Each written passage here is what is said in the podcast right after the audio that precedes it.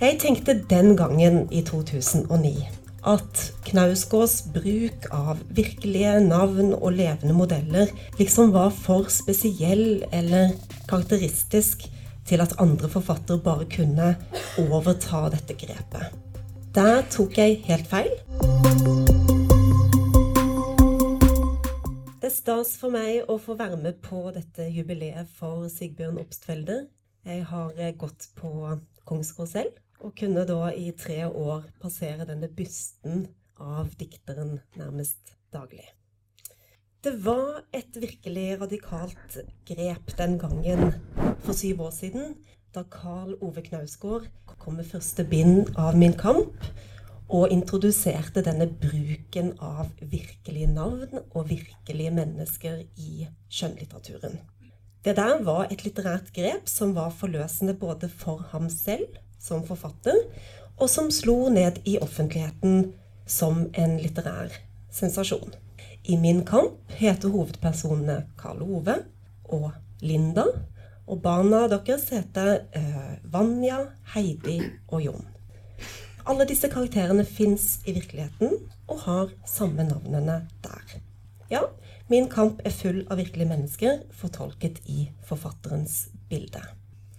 Jeg tenkte den gangen i 2009 at Knausgårds bruk av virkelige navn og levende modeller liksom var for spesiell eller karakteristisk til at andre forfattere bare kunne overta dette grepet. Der tok jeg helt feil, for denne selvbiografiske vendingen skulle vise seg å bli helt dominerende i norsk litteratur, og er det i grunnen fremdeles. Bare nå det siste året så har det kommet en seks-syv nye titler i samme sjanger. Ketil Bjørnstad utkom nå i høst med andre bind i et gigantisk prosjekt som ser ut til å overgå selv Min kamp i størrelse. Han skriver seks bind om sitt eget liv, og hovedpersonen i denne romanen 'Verden som var min', hovedpersonen heter Ketil, og mange av hans kjente kunstnervenner opptrer under eget navn. F.eks. har Ole Paus en sentral rolle i bind to. Flere debutanter har eh, det siste året brukt sine egne navn i, eh, i sine bøker. Hovedpersonen heter Leonard i romanen 'Jar' av Leonard Ibsen. Hun heter Silje i romanen 'Den eneste' av Silje Ånes Fagerlund. Og i 'Personer du kanskje kjenner' av Synnøve Mekodi Lund, så heter altså hovedpersonen Synnøve. Disse titlene inngår i en trend som åpenbart eksploderte med Min kamp av Karl Ove Knausgård. Stadig flere forfattere legger seg altså til dette grepet med å gi hovedpersonen samme navn som de har selv. Men ingen av disse andre bøkene har fått noe i nærheten av den samme oppmerksomheten som Knausgård. Og det har jeg altså tenkt å gjøre noe med her, ettersom arrangørene har gitt meg tittelen Norsk litteratur 2006 til 2016 i skyggen av Knausgård. Men det ble jo kunstig likevel i et foredrag om norsk samtidslitteratur ikke å snakke om Knausgård i det hele tatt. Han er tross alt landets viktigste forfatter akkurat nå. Um, men det jeg vil gjøre nå, det er å um, I stedet for å prøve å gi et stort sveip og et generelt bilde av ulike tendenser i denne tiårsperioden, så vil jeg gå den motsatte veien. Inn i dette helt spesifikke litterære virkemidlet og bruke virkelige navn i skjønnlitterære tekster. Og så vil jeg se på hvordan det lille litterære grepet preger vår litteratur. Men jeg vil også gå litt tilbake i historien og um, se på hva som finnes før Knausgård. For han er faktisk ikke den første som bruker det virkemidlet. Og så vil jeg da mot slutten av eh, forelesningen vende tilbake til Knausgård og se på hva han har gjort i sine aller eh, nyeste bøker. Han kom jo med en roman nå senest i vår, der han bruker denne teknikken på en ganske annen måte enn han gjorde i Min kamp.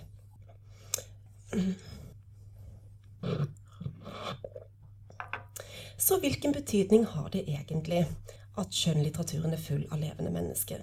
Hvilken effekt har det på leseren? Um, Hva blir forskjellen når forfatteren opptrer med eget navn i bøkene? Har det noen betydning for oss at Merete Lindstrøm i en roman som 'Vinterarkivene' kaller den kvinnelige hovedpersonen for Merete, og den mannlige hovedpersonen for Mats, når vi samtidig lett kan finne ut at Lindstrøms mann i virkeligheten heter nettopp Mats? Kan det være et problem for familien Knausgård, f.eks. For, for ungene, at alle kjenner familiens indre forhold? Og hvordan oppleves det egentlig å være levende modell for en romanfigur? Forfattere har alltid og til alle tider brukt levende modeller. Men disse problemstillingene her, de blir mer akutte når forfatteren så utilslørt bruker sine egne familiemedlemmer og omgangskrets. De levende modellene står jo igjen nærmest ubeskyttet når selve liksom, det estetiske idealet for litteraturen er å unngå denne kamuflasjen som en dikterisk behandling, fiksjonalisering, tross alt innebærer. Men før jeg går til samtidslitteraturen, så har jeg altså da lyst til å løpe, løfte frem noen forløpere. Ja, altså noen historiske eksempler på det som er blitt 2000-tallets mest slående litterære grep. Og hvor er det da bedre å begynne enn med Sigbjørn Obstfelder? Og da har jeg delt ut et, eller det skal være et sitatark her med også en tekst av Obstfelder som er kommet til etter hvert. Sigbjørn Obstfelder han bruker altså sitt eget navn i et dikt fra 1892. Eller rettere sagt, det er moren til Sigbjørn Obstfelder som bruker hans navn. Dette diktet har en litt hemmelighetsfull tittel. Det heter I frøken M.H.s album. Og hvis noen her vet hvem denne MH er, så vil jeg gjerne få beskjed om det etterpå. Det er også et ganske hemmelighetsfullt dikt, dette her, som skildrer en slags utrolig eller visjonær tilstand. Eller det kan være en feberfantasi, eller det kan være en slags galskap. Diktet begynner med et sitat. 'Jeg mistet alt'. Og man kan jo da tenke seg at det er dette utsagnet, denne jeg-figuren, noterer ned i frøken MHs album 'Jeg mistet alt'. Og like etterpå så kommer da et uh, forklarende tillegg. Ja, også min forstand. Men etter da å ha blitt ranet, som han sier, og naken, så skjer det en sterk endring hos denne jeg-figuren. Han liksom begynner et nytt liv der han svever først liksom inn i noe åndetempel, og deretter ut i naturen. Og denne sveveturen skal vise seg å føre han hjem til sitt eget barndomshjem. Moren til Sigbjørn het Serine, og hun døde i 1880, da Sigbjørn var 14 år. Men hun gjenoppstår altså her, i dette synet, og blir en karakter som liksom velsigner hans ferd mot det høye tenkte vi skulle lese diktet. Jeg mistet alt. Ja, også min forstand. Og da jeg hadde mistet alt, da jeg nøgen ranet lå, da var det først at liv begynte. Liv om meg sang i barnekor. Liv om meg suste. Liv om meg skalv.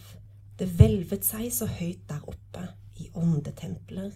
Det steg og bruste i spisse buer opp mot englene. Selv var jeg inne i den innerste sal, selv en gud.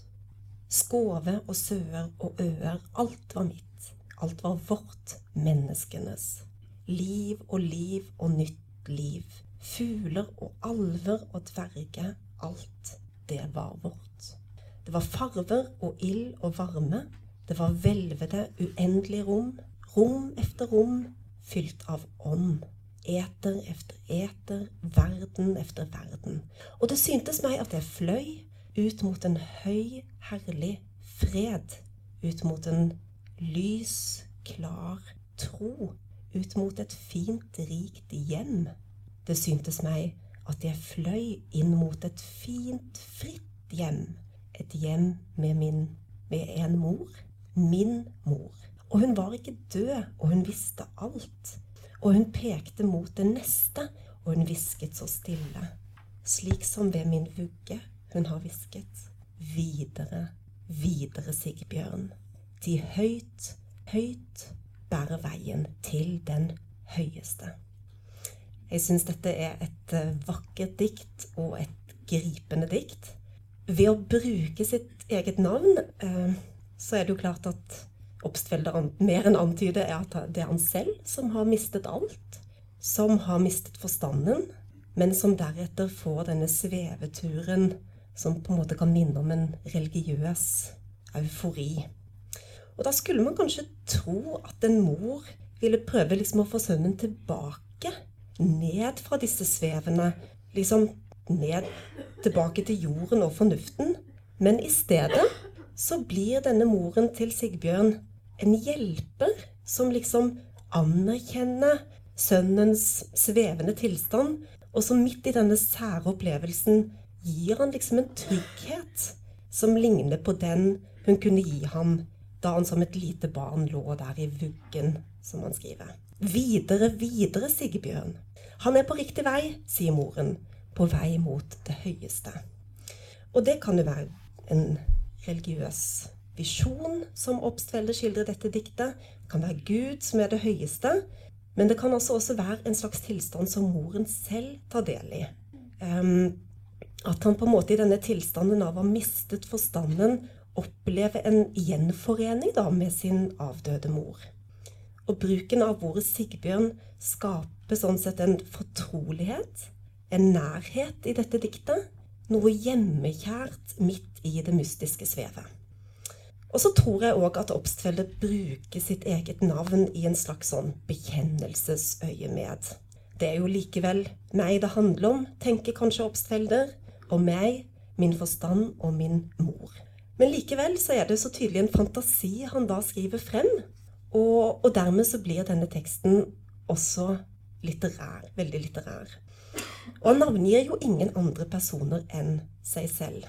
Så bruken av forfatterens virkelige navn er i denne teksten verken liksom utleverende eller triviell. Snarere så kommer navnet inn da som en nærhetsskapende selvbiografisk detalj i et utpreget fabulerende dikt. Obstfelder får altså kontakt med sin avdøde mor. Og hvis vi nå hopper frem til 1969, så finner vi et annet flott dikt om en avdød forelder.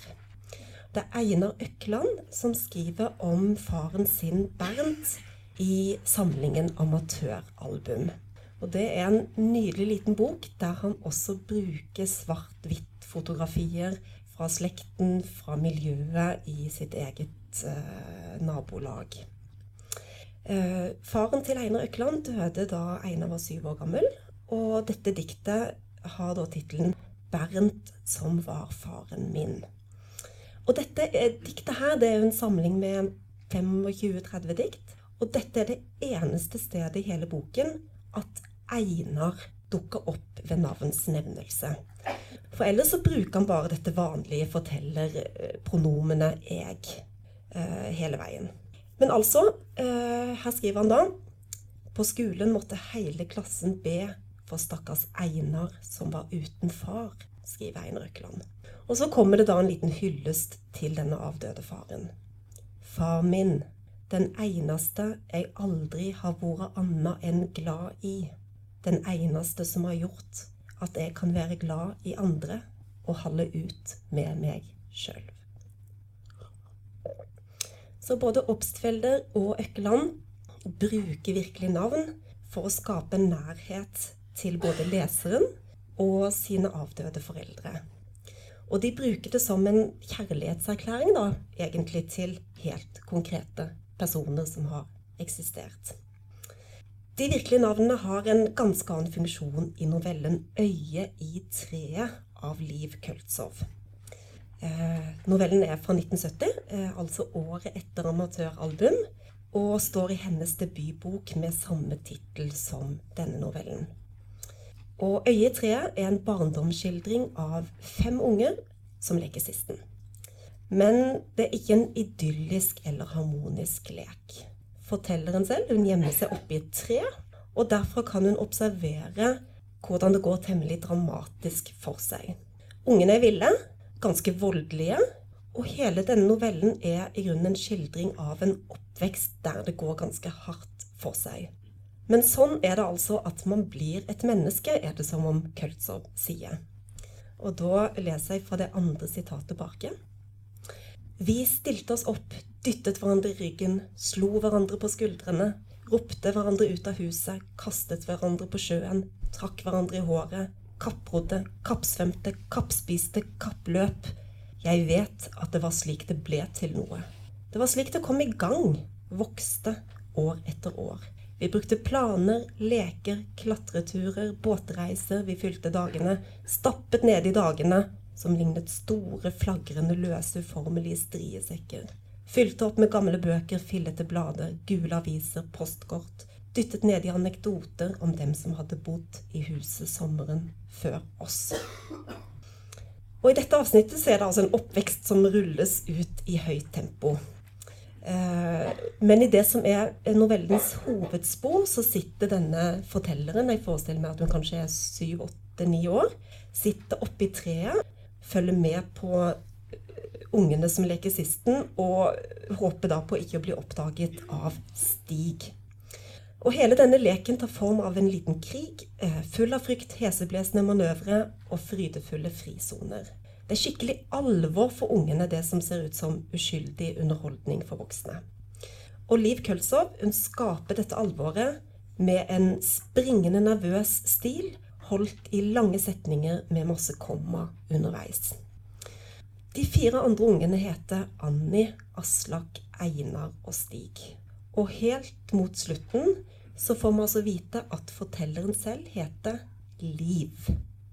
Jentungen er i ferd med å komme seg ned fra treet når hun plutselig registrerer at Stig, da, som har han, står der nede og oppdager henne. Og da er det, da sier hun, da står det i novellen, og hun da registrerer ansiktet hans som plutselig fikk øye på meg, og munnen hans som plutselig ropte 'Liv!' Og når dette kommer det helt mot slutten av novellen, så setter det en liten sånn støkk i leseren kanskje det vi kan kalle for en selvbiografisk støkk. Oi, det er kanskje sin egen barndom Kølsov skriver her om her. Kanskje sin egen gjeng. Har de også fått sine egne navn i teksten i så fall? Plutselig blir leseopplevelsen litt mer sammensatt, litt mer uavklart. Novellen er litteratur, så klart, eh, men også da et mer tydelig uttalt barndomsminne om noe man som leser plutselig ser for seg har liksom en et forelegg i virkeligheten. Så vet jeg ikke om Køltzow her bruker virkelig navn også på vennene sine. Men uansett så er ingenting av det hun sier om disse vennene, noe som jeg tror ville gjøre det plagsomt for de å finne seg selv igjen i denne teksten når de måtte lese den som voksne. Hvor fikk da Liv Køltzow denne ideen fra? Eh, som vi har sett, da, så fins det et og annet eksempel i norsk litteratur før Køltzow på denne bruken av virkelige navn. Hun kan også ha fulgt med på fransk litteratur.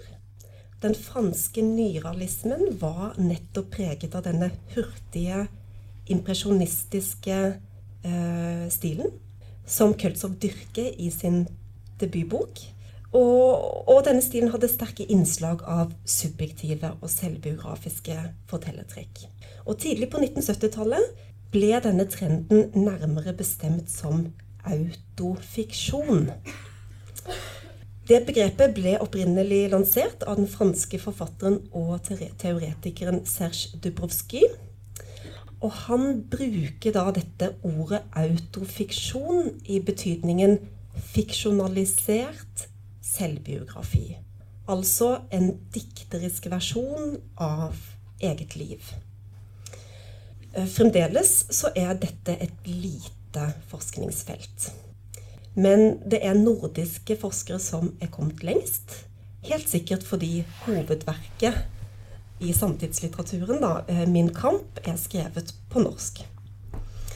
Og i løpet av det, bare det siste året så har det vært eh, to doktorgradsdisputaser om denne sjangeren ved universitetet i Helsinki. Og så sent som i forrige uke så var det en uh, svensk forsker som disputerte på en avhandling om franske rettssaker knyttet til selvbiografisk skjønnlitteratur. For i Frankrike så har denne type bøker utløst et helt sånn juridisk eh, spekter av problemstillinger, og mange av bøkene har vært trukket for retten. Og mange forfattere har også blitt dømt.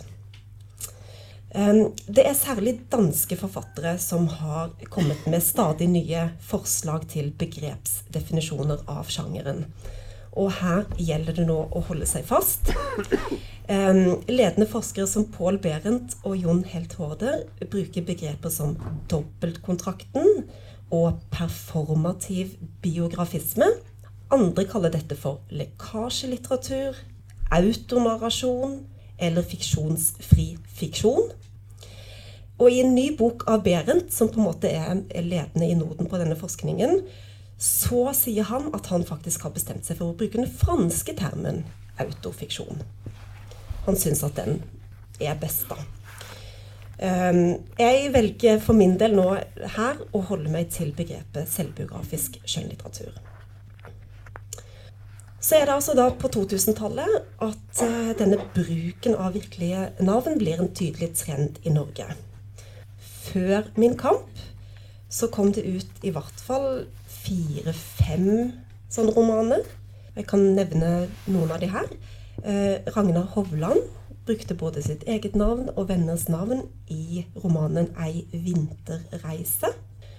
Eh, Espen Håvardsholm eh, brukte sitt eget navn i 'Gutten på passbildet'.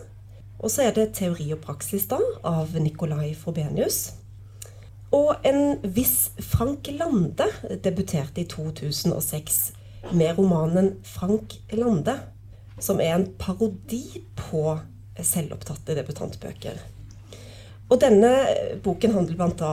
om eh, hvordan hovedpersonen Frank Lande liksom føler seg presset til å være en kreativ person.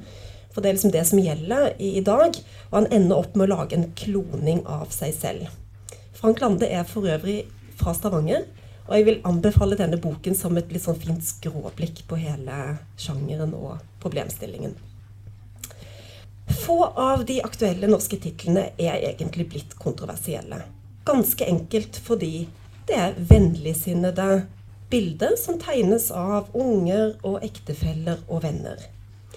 Men teori og praksis av Nicolai Forbenius vakte sterke reaksjoner da den kom ut i 2004 forfatterens gamle nabolag eh, på Rykken liksom slo tilbake mot beskrivelsen av livet og menneskene der. Og konflikten rundt denne boken var vel et forvarsel på hvordan faktiske personer kunne komme til å reagere på å være levende modeller i romaner som utleverer, utleverer de med navns nevnelse.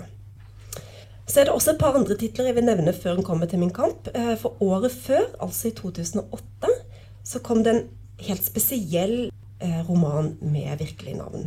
Nå tenker jeg på denne boken 'Kalakk' av Kim Leine. Dette er eh, debuten til Leine, og forlaget kaller den for en erindringsroman. Hovedpersonen heter Kim, og han vokser opp i en liten norsk bygd der familien er medlemmer av Jehovas vitner. I tenårene så bryter Kim opp og flytter til faren sin i København. Faren er homofil og forgriper seg på sin egen sønn. Eh, denne boken vakte liten oppsikt da den kom i 2008. Men seks år etterpå så var Kim Leine blitt en kjent hoveds... Altså han flyttet til Danmark, ble boende i Danmark og er kanskje mest kjent som en dansk forfatter. Men han ble da eh, han, han, fikk da Nordisk råds litteraturpris for en av sine senere bøker. Nemlig denne her 'Profetene i evighetsfjorden', med handlingen lagt til Grønland. Og i den forbindelsen, altså i 2014, så ble han da intervjuet om historien i Kalak. Uh, og han bekreftet at alt dette hadde skjedd i virkeligheten, og faren hadde utsatt han for uh, seksuelle overgrep.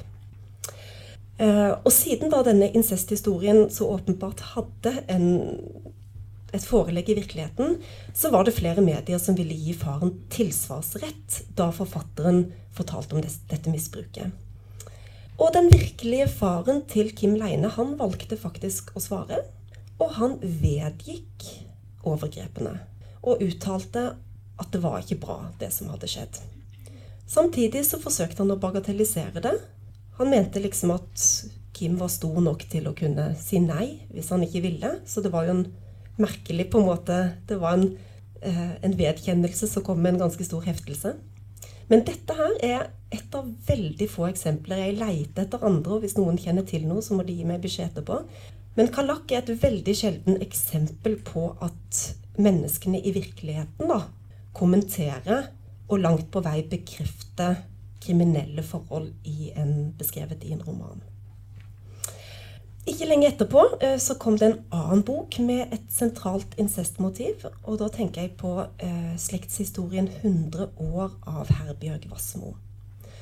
Um, hun hadde jo et helt uvanlig sterkt gjennombrudd med debutboken sin 'Huset med den blinde glassveranda', som kom i 1982.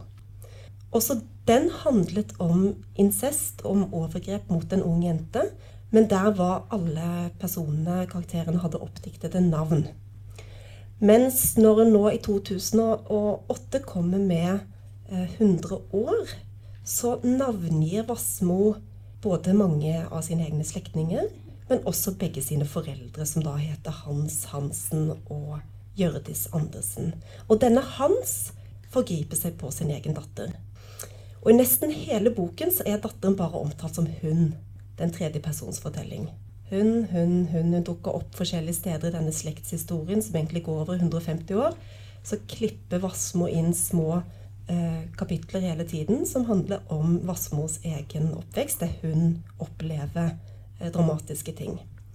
Men helt til slutt, det er, om det ikke er på siste side, så er det i hvert fall en av de siste sidene, så får vi vite hva hun heter. Nemlig Herbjørg. Så faren til Herbjørg Wassmo får sin straff i romanens form. Og faktisk, det som er litt interessant, syns jeg, faktisk så blir 100 år på den måten en mer privat historie og et privat oppgjør som mangler mye av den dikteriske kraften som preget huset med den blinde glassveranda. Denne boken fikk en viss oppmerksomhet, men den druknet ganske snart i oppstyret rundt første bind av Min kamp, som kom akkurat samme måned, faktisk, september 2009. Og som dere kanskje kjenner til, så reagerte jo Knausgårds familie veldig negativt på det bildet som ble tegnet av forfatterens far. Det var snakk om en rettssak. Det var snakk om særlig broren da, til faren, altså denne onkel Gunnar, som han heter i boken. De vurderte rettssak, men, men, lot det være. Derimot så var det en annen person eh, som også opptrer med eget navn i Min kamp, som tok affære. Og det var ekskonen til Knausgård, Tonje Aursland. Hun laget en egen radiodokumentar der hun fortalte om den opprørende opplevelsen hun da syntes det var å bli gjort til romankarakter. Og Hun fikk også Knausgård til å stille opp i dette programmet og til å svare på spørsmål om hvorfor han hadde gjort dette mot henne. Og denne debatten om min kamp den har liksom ulmet og innimellom tatt fyr flere ganger i løpet av de seks årene dette seksbindsverket kom ut. Det vil altså si perioden 2009 til 2011. Og onkelen Bjørge Knausgård, som i boken da faktisk har fått et pseudonym, der, jo, der heter han jo Gunnar. Um, han reagerte særlig på bind 6 fordi Knausgård der gjengir private mailer som har gått i familien, og som også har gått mellom Bjørge Knausgård og Tåbe Forlag. Så det er mye materiale som Knausgård bare bruke da fra privat korrespondanse som man aldri har avklart med disse personene. Så hvorfor har det vært så mye uro og debatt eh, rundt eh, min kamp? Um, eller rundt dette virkemidlet da, med å bruke eh, virkelig navn. Um, jeg tror det skyldes at eh, virkelig navn liksom skaper både en sånn tiltrekkende aura av risiko knyttet til uh, følelser som fortrolighet og utlevering og krenkelse. Og det er en risiko som også kan gi tekstene en spesiell intensitet. Men jeg mer og mer for min del kommer til det at poenget er egentlig ikke forfatterens utlevering av seg selv. Eh, det er ikke noe imponerende å utlevere sin egen bristende karakter eller sine egne dårlige trekk, eller hva det måtte være. Hele risikomomentet ligger egentlig i utleveringen av andre virkelige personer. Det er det som skaper spenning og dramatikk. Og når forfatteren bruker sitt eget navn, så åpner han på en måte for at også disse andre menneskene i et persongalleri er virkelige mennesker. Selv om de eventuelt skulle opptre med pseudonym. Um, så det er bruken av andres uh, navn som er egnet til å vekke provokasjoner av en liksom mer eksplisitt karakter enn selvbiografiske romaner der både hovedpersonen og de andre har fått oppdiktede navn. da. Og det behøver jo ikke bety at disse bøkene er mer mest selvbiografiske innenfor hele dette store feltet som nå er liksom selvbiografisk litteratur. Altså både nøkkelromaner, der man bruker oppdiktede navn, men alle skjønner på en måte at her er det egentlig personer som pekes ut i virkeligheten. Og andre typer virkelighetsnære skildringer kan jo være minst like private og utleverende. Men denne identifikasjonen ved navns nevnelse eh, har vist seg å trigge en hel rad av mer sånn klassiske problemstillinger knyttet til ærekrenkelse og privatlivets grenser. Og da har jeg lyst til å ta et lite sidespor til Danmark. Um, der alle disse problemstillingene har vært oppe, ikke bare til diskusjon, men også i rettsvesenet. Så Danmark har en liten sånn avlegger av den franske debatten eh, hos seg. For det er faktisk en dansk roman eh, som fant veien helt til Høyesterett. Eh, romanen heter 'Suverenen' og er skrevet av Das Beck-verk, det er jo da pseudonymet for en forfatter eh, som på tidligere tidspunkt het Klaus Beck-Nilsen. Så har han skiftet navn flere ganger. Og når han kaller seg Das Beckverk, så sier han at det var et sånt forfatterkollektiv som står som et sånn generelt navn på det han skriver. Men i denne romanen her, 'Suverenen', så er det jo da et ganske forvirrende forhold mellom disse virkelige personene.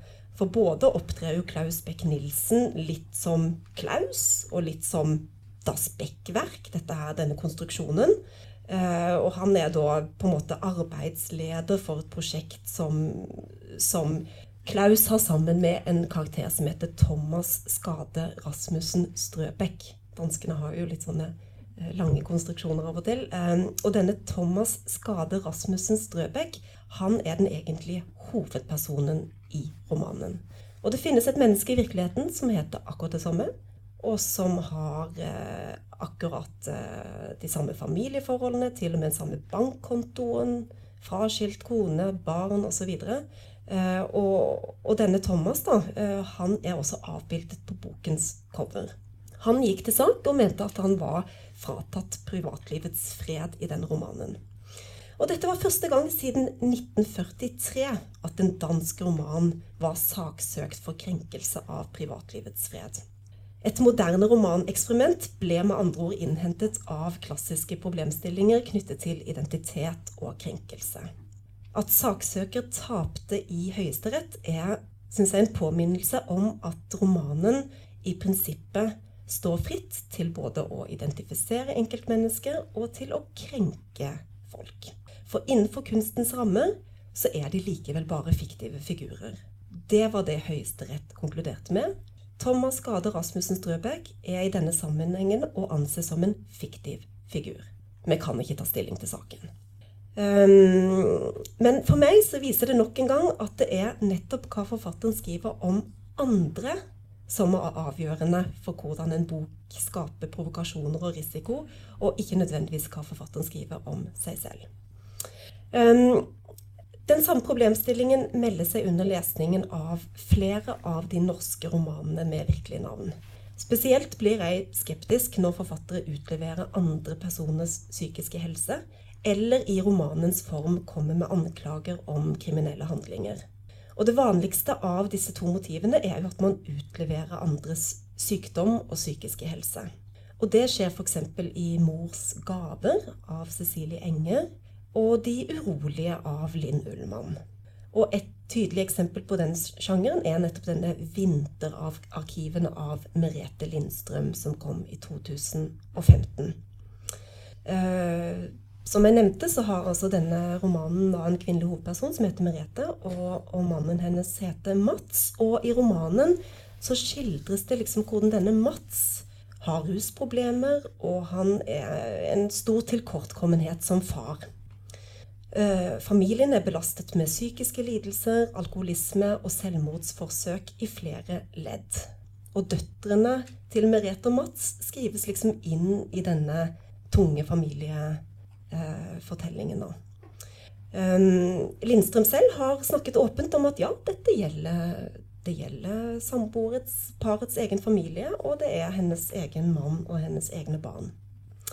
Denne romanen har blitt kritisk analysert av eh, og Forfatterens posisjon har blitt kritisk analysert av professor Marianne Egeland. Hun gjorde en analyse av liksom sånn, denne dobbeltkontrakten at forfatteren på en måte sier at uh, dette her er selvbiografisk, men det er en roman, så ikke liksom uh, Ikke bland de to sammen. Uh, men det Marianne Egeland viser, er at i forskjellige intervjusituasjoner så sier da Merete Lindstrøm ja, romanen er jo et fristed som tillater henne å skrive alt som oppleves som nødvendig. På den andre siden så forteller hun at hun har sagt til døtrene sine at hun syns de skal la være å lese den. Og Døtrene er voksne, er, eller i hvert fall de er langt opp i tenårene. Og det må jo da innebære, skriver Egeland, at kunstens fristed ikke er totalt koblet fra verden. Og at det Lindstrøm skriver, kan ha konsekvenser for andre, for barna, kanskje også for ektemannen, som skal ha vært suicidal i årevis. Så vil jeg tro at denne Mats har samtykket i eh, romanen og i utleveringen av ham selv. Men jeg syns likevel det er verdt å spørre seg om hvordan, ja, hvordan en sånn roman som det vil prege familiemedlemmene. Skildringen av Mats, eh, Mats har en schizofren mor som er ut og inn av sykehus, og hennes sykejournaler dukker faktisk opp i romanen. Det er jo veldig strengt konfidensielt materiale i andre sammenhenger. Og jeg, ja, jeg syns det er betenkelig. Men så behøver det jo heller ikke være et etisk problem å skildre andres sykdom eller psykiske lidelser. 'Mors gave' av Cecilie Enger, som kom for et par år siden, skildrer en tiltagende Alzheimer-sykdom hos hennes egen virkelige mor. Og denne moren var en profilert norsk kulturjournalist. Og jeg opplevde selv å ha henne som kollega min aller første tid i Aftenposten. Og selv om boken på en måte er utleverende, så føles det samtidig som om forfatteren liksom ivaretar et slags sånn opprinnelig eller originalt bilde av denne vitale personen. da, Samtidig som hun skildrer hvordan sykdommen forandrer henne på en fortvilende måte. Men så er det jo sånn at i bunn og grunn så er det jo bare de som blir brukt som levende modeller, og som finner sine egne navn igjen i disse romanene, som kan ha det siste ordet når det gjelder liksom en etisk vurdering av saken. Um, og siden mange av disse modellene faktisk er døde, så får vi aldri vite hva de ville synes om å bli romankarakter. Når det kommer til Karl Ove Knausgård, så er det jo sånn at hans litteratur spenner utrolig vidt. Forfatterskapet har enorme kvalitetsforskjeller. Fra tvangspreget eh, rapportering om trivielle forhold i familien til de mest presise og fantastiske observasjoner. Det samme spennet opplever jeg når det gjelder eh, hans bruk av virkelige navn. Noen steder virker det risikabelt og problematisk, andre steder helt tilforlatelig. Og typisk nok igjen da, så er det sånn at ofte den litterære spenningen i bøkene stiger jo mer risikabel bruken av andres navn blir.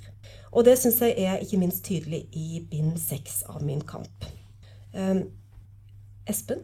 Eh, hva har jeg av tid? Er det frem til kvart på tolv eller tolv? Ja. Eh, jeg bare lurer på om jeg skal kutte ut litt her. Eh, ja, litt, litt, litt grann da om, om, min kamp. Altså, en svær bok på er det, hva er det, 1000 sider eller noe sånt. En hard negl av en bok, tung og krevende. Og den består hovedsakelig av esaistiske partier med romanteori, diktanalyse, kunsthistoriske refleksjoner. Flere hundre sider handler om Adolf Hitler og hans selvbiografi 'Min kamp'. Um, og det er for så vidt interessante observasjoner. Uh, men det er en type partier der forfatteren mister, syns jeg, enhver kontakt med hans eget kunstspråk, og glir over i en sånn ordinær sakprosa. Uh, det blir sånn middels godt produkt fra, fra akademia. Verdien av denne boken ligger et helt annet sted. Og det dreier seg om 200-300 sider i starten og slutten av romanen. Og denne eh, rammefortellingen handler da om verkets tilblivelse, mottagelse og de personlige konsekvensene det har fått for Knausgård og hans familie. Um, og her blir altså sjette bind til en slags bakomroman om min kamp. Og dette er den tydeligste skildringen vi har i norsk litteratur av hva som kan skje i kulissene når en forfatter bruker virkelig navn på seg selv og andre. Og Knausgård skildrer jo her en frenetisk brannslukkingsaktivitet som liksom foregår både på forlaget hans og i hans egen omgangskrets. Og forlaget skal stadig håndtere trusler og sårede følelser fra et ganske stort antall mennesker som opplever det helt urimelig at de opptrer med eget navn i, i Min kamp. Og innimellom blir dette ganske egentlig parodisk og morsom litteratur, som når handlingen utvikler seg til en slags sånn horrorversjon av den romantiske komedien 'Du har mail'. Altså Karl Ove liksom trekkes mot datamaskinen i frykt og beven for nye anklager. Og, og i særdeleshet er det en lang komisk scene der han fantaserer om denne rettssaken som onkel Gunnar liksom i sin tid annonserte. da. Og på dette punktet i romanen så tror jeg at forlaget Oktober, som har utgitt Min kamp, har hatt bruk for juridisk assistanse. For Knausgård tar en hevn over onkelen som er helt på grensen til det injurierende, og som kanskje ville stå seg i en rettssak hvis, hvis, de skulle ønske å gå til det. Men, øh, men jeg vil bare presisere det, da, at onkel Gunnar faktisk er et oppdiktet navn, og at det er også en lang rekke andre personer i Min kamp som har fått lov til å velge om de skulle ha sitt eget navn eller et oppdiktet navn, og som kanskje har valgt å ha et oppdiktet navn. da. Men denne boken tar virkelig fyr først mot slutten, der Knausgård skildrer Lindas sykdom. Og her er det et fint parti der forfatteren selv reflekterer over denne type litteratur og hva som er de ømmeste punktene, nemlig faren for å skade mennesker som helt ufrivillig blir romanfigurer. Og han forteller da helt åpent at Lindas mor har klandret han for at, at, han flere ganger i flere av disse tidligere verkene har utlevert Lindas helse. Og moren til Linda mener også at dette har bidratt til en forverring av hennes helse.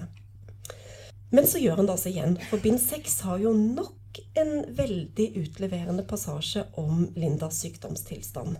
Og du merker det som leser. Oi, spenningen stiger. Den litterære intensiteten stiger skildringen av Lindas tiltagende bipolare lidelse er veldig sterk eh, kost. For den som skriver, for den som leser. Og for å være helt ærlig så skjønner jeg ikke helt at Knausgård tok sjansen på å fortelle om dette sammenbruddet på denne måten. Og jeg skjønte det i hvert fall ikke da, i 2011, ved bokens utgivelse. Men nå, for bare et halvt år siden, så gjorde han det igjen. Altså utleverte Lindas helse. Og faktisk er det jo et selvmordsforsøk han skildrer i romanen om våren. Um, og dette er en roman som uh, fører leseren rett inn i familiens indre liv og spenner liksom en bue fra siste del av Min kamp til eh, april 2016. Og dette er en fantastisk roman som har vært årets store leseopplevelse for meg. Det er en sår og kraftfull fortelling som er strukturert som en lang dag i forfatterens liv. Den har liksom støtvise tilbakeblikk og gir smertefulle glimt fra et år da det bare handlet om å overleve, som Knausgård skriver. Og Det er særlig siste del at han henter opp igjen ektefellens sykdom. Og også her skildrer han da Linda på det svakeste i hjerteskjærende dramatiske partier. Men Virkningen er en annen.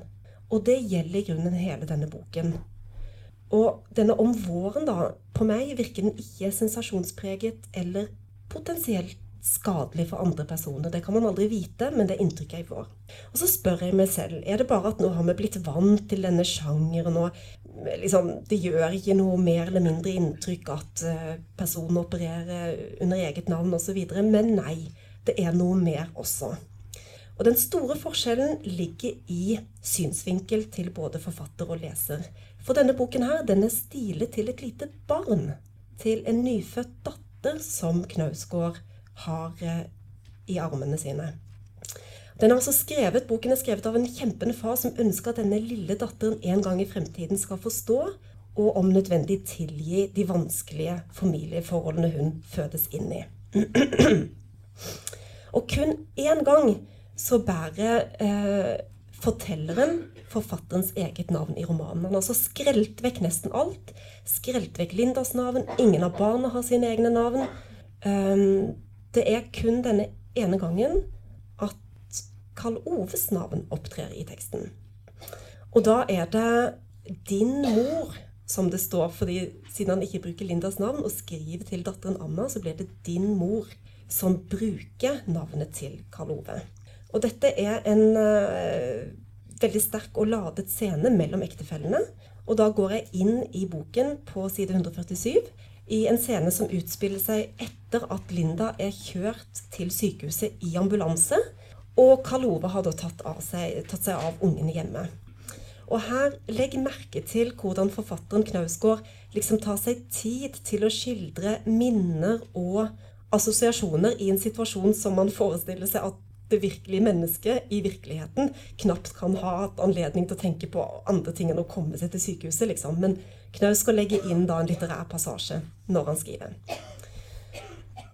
Etter at jeg hadde spist middag ute ved et hvitt bord flekkete av skygger fra bladene på epletreet, som nå og da skalv i solgangsbrisen med barnas øyne mysende mot solskinnet, kjørte jeg inn til sykehuset igjen. Jeg parkerte på plassen utenfor inngangen, og noe med den varme asfalten, den mørke blåfargen på himmelen, de lange skyggene og fylden i lyset fra den lave sola minnet meg om sommerkveldene da jeg vokste opp.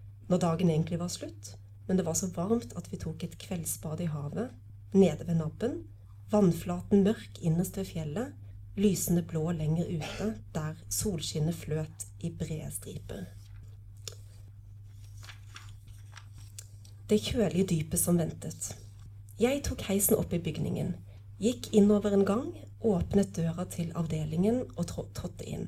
En sykepleier på vei innover snudde seg mot meg og spurte etter din mor, altså. Han skriver dette til Anna. Hun lå alene i et rom. Det var hvitt og fylt av lys fra den nedadgående sola. Dynen som dekket henne, var også hvit, og klærne hun hadde på seg, var hvite. Hun var blek og medtatt, lå med hodet på puta, vendte det mot meg da jeg kom. Å, Karl Ove, sa hun da jeg satte meg ned ved siden av henne. Stemmen hennes var lav, nesten hviskende. Tilgi meg, du må tilgi meg. Hun gråt, jeg gråt også. Jeg visste ikke hva jeg gjorde, sa hun. Jeg vet det, sa jeg og tok hånden hennes.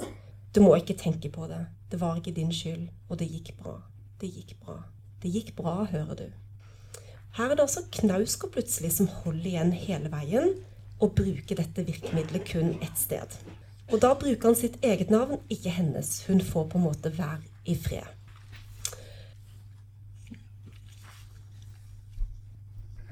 Ja, her mangler det litt av manuskriptet, men da jeg vet hva jeg skal si.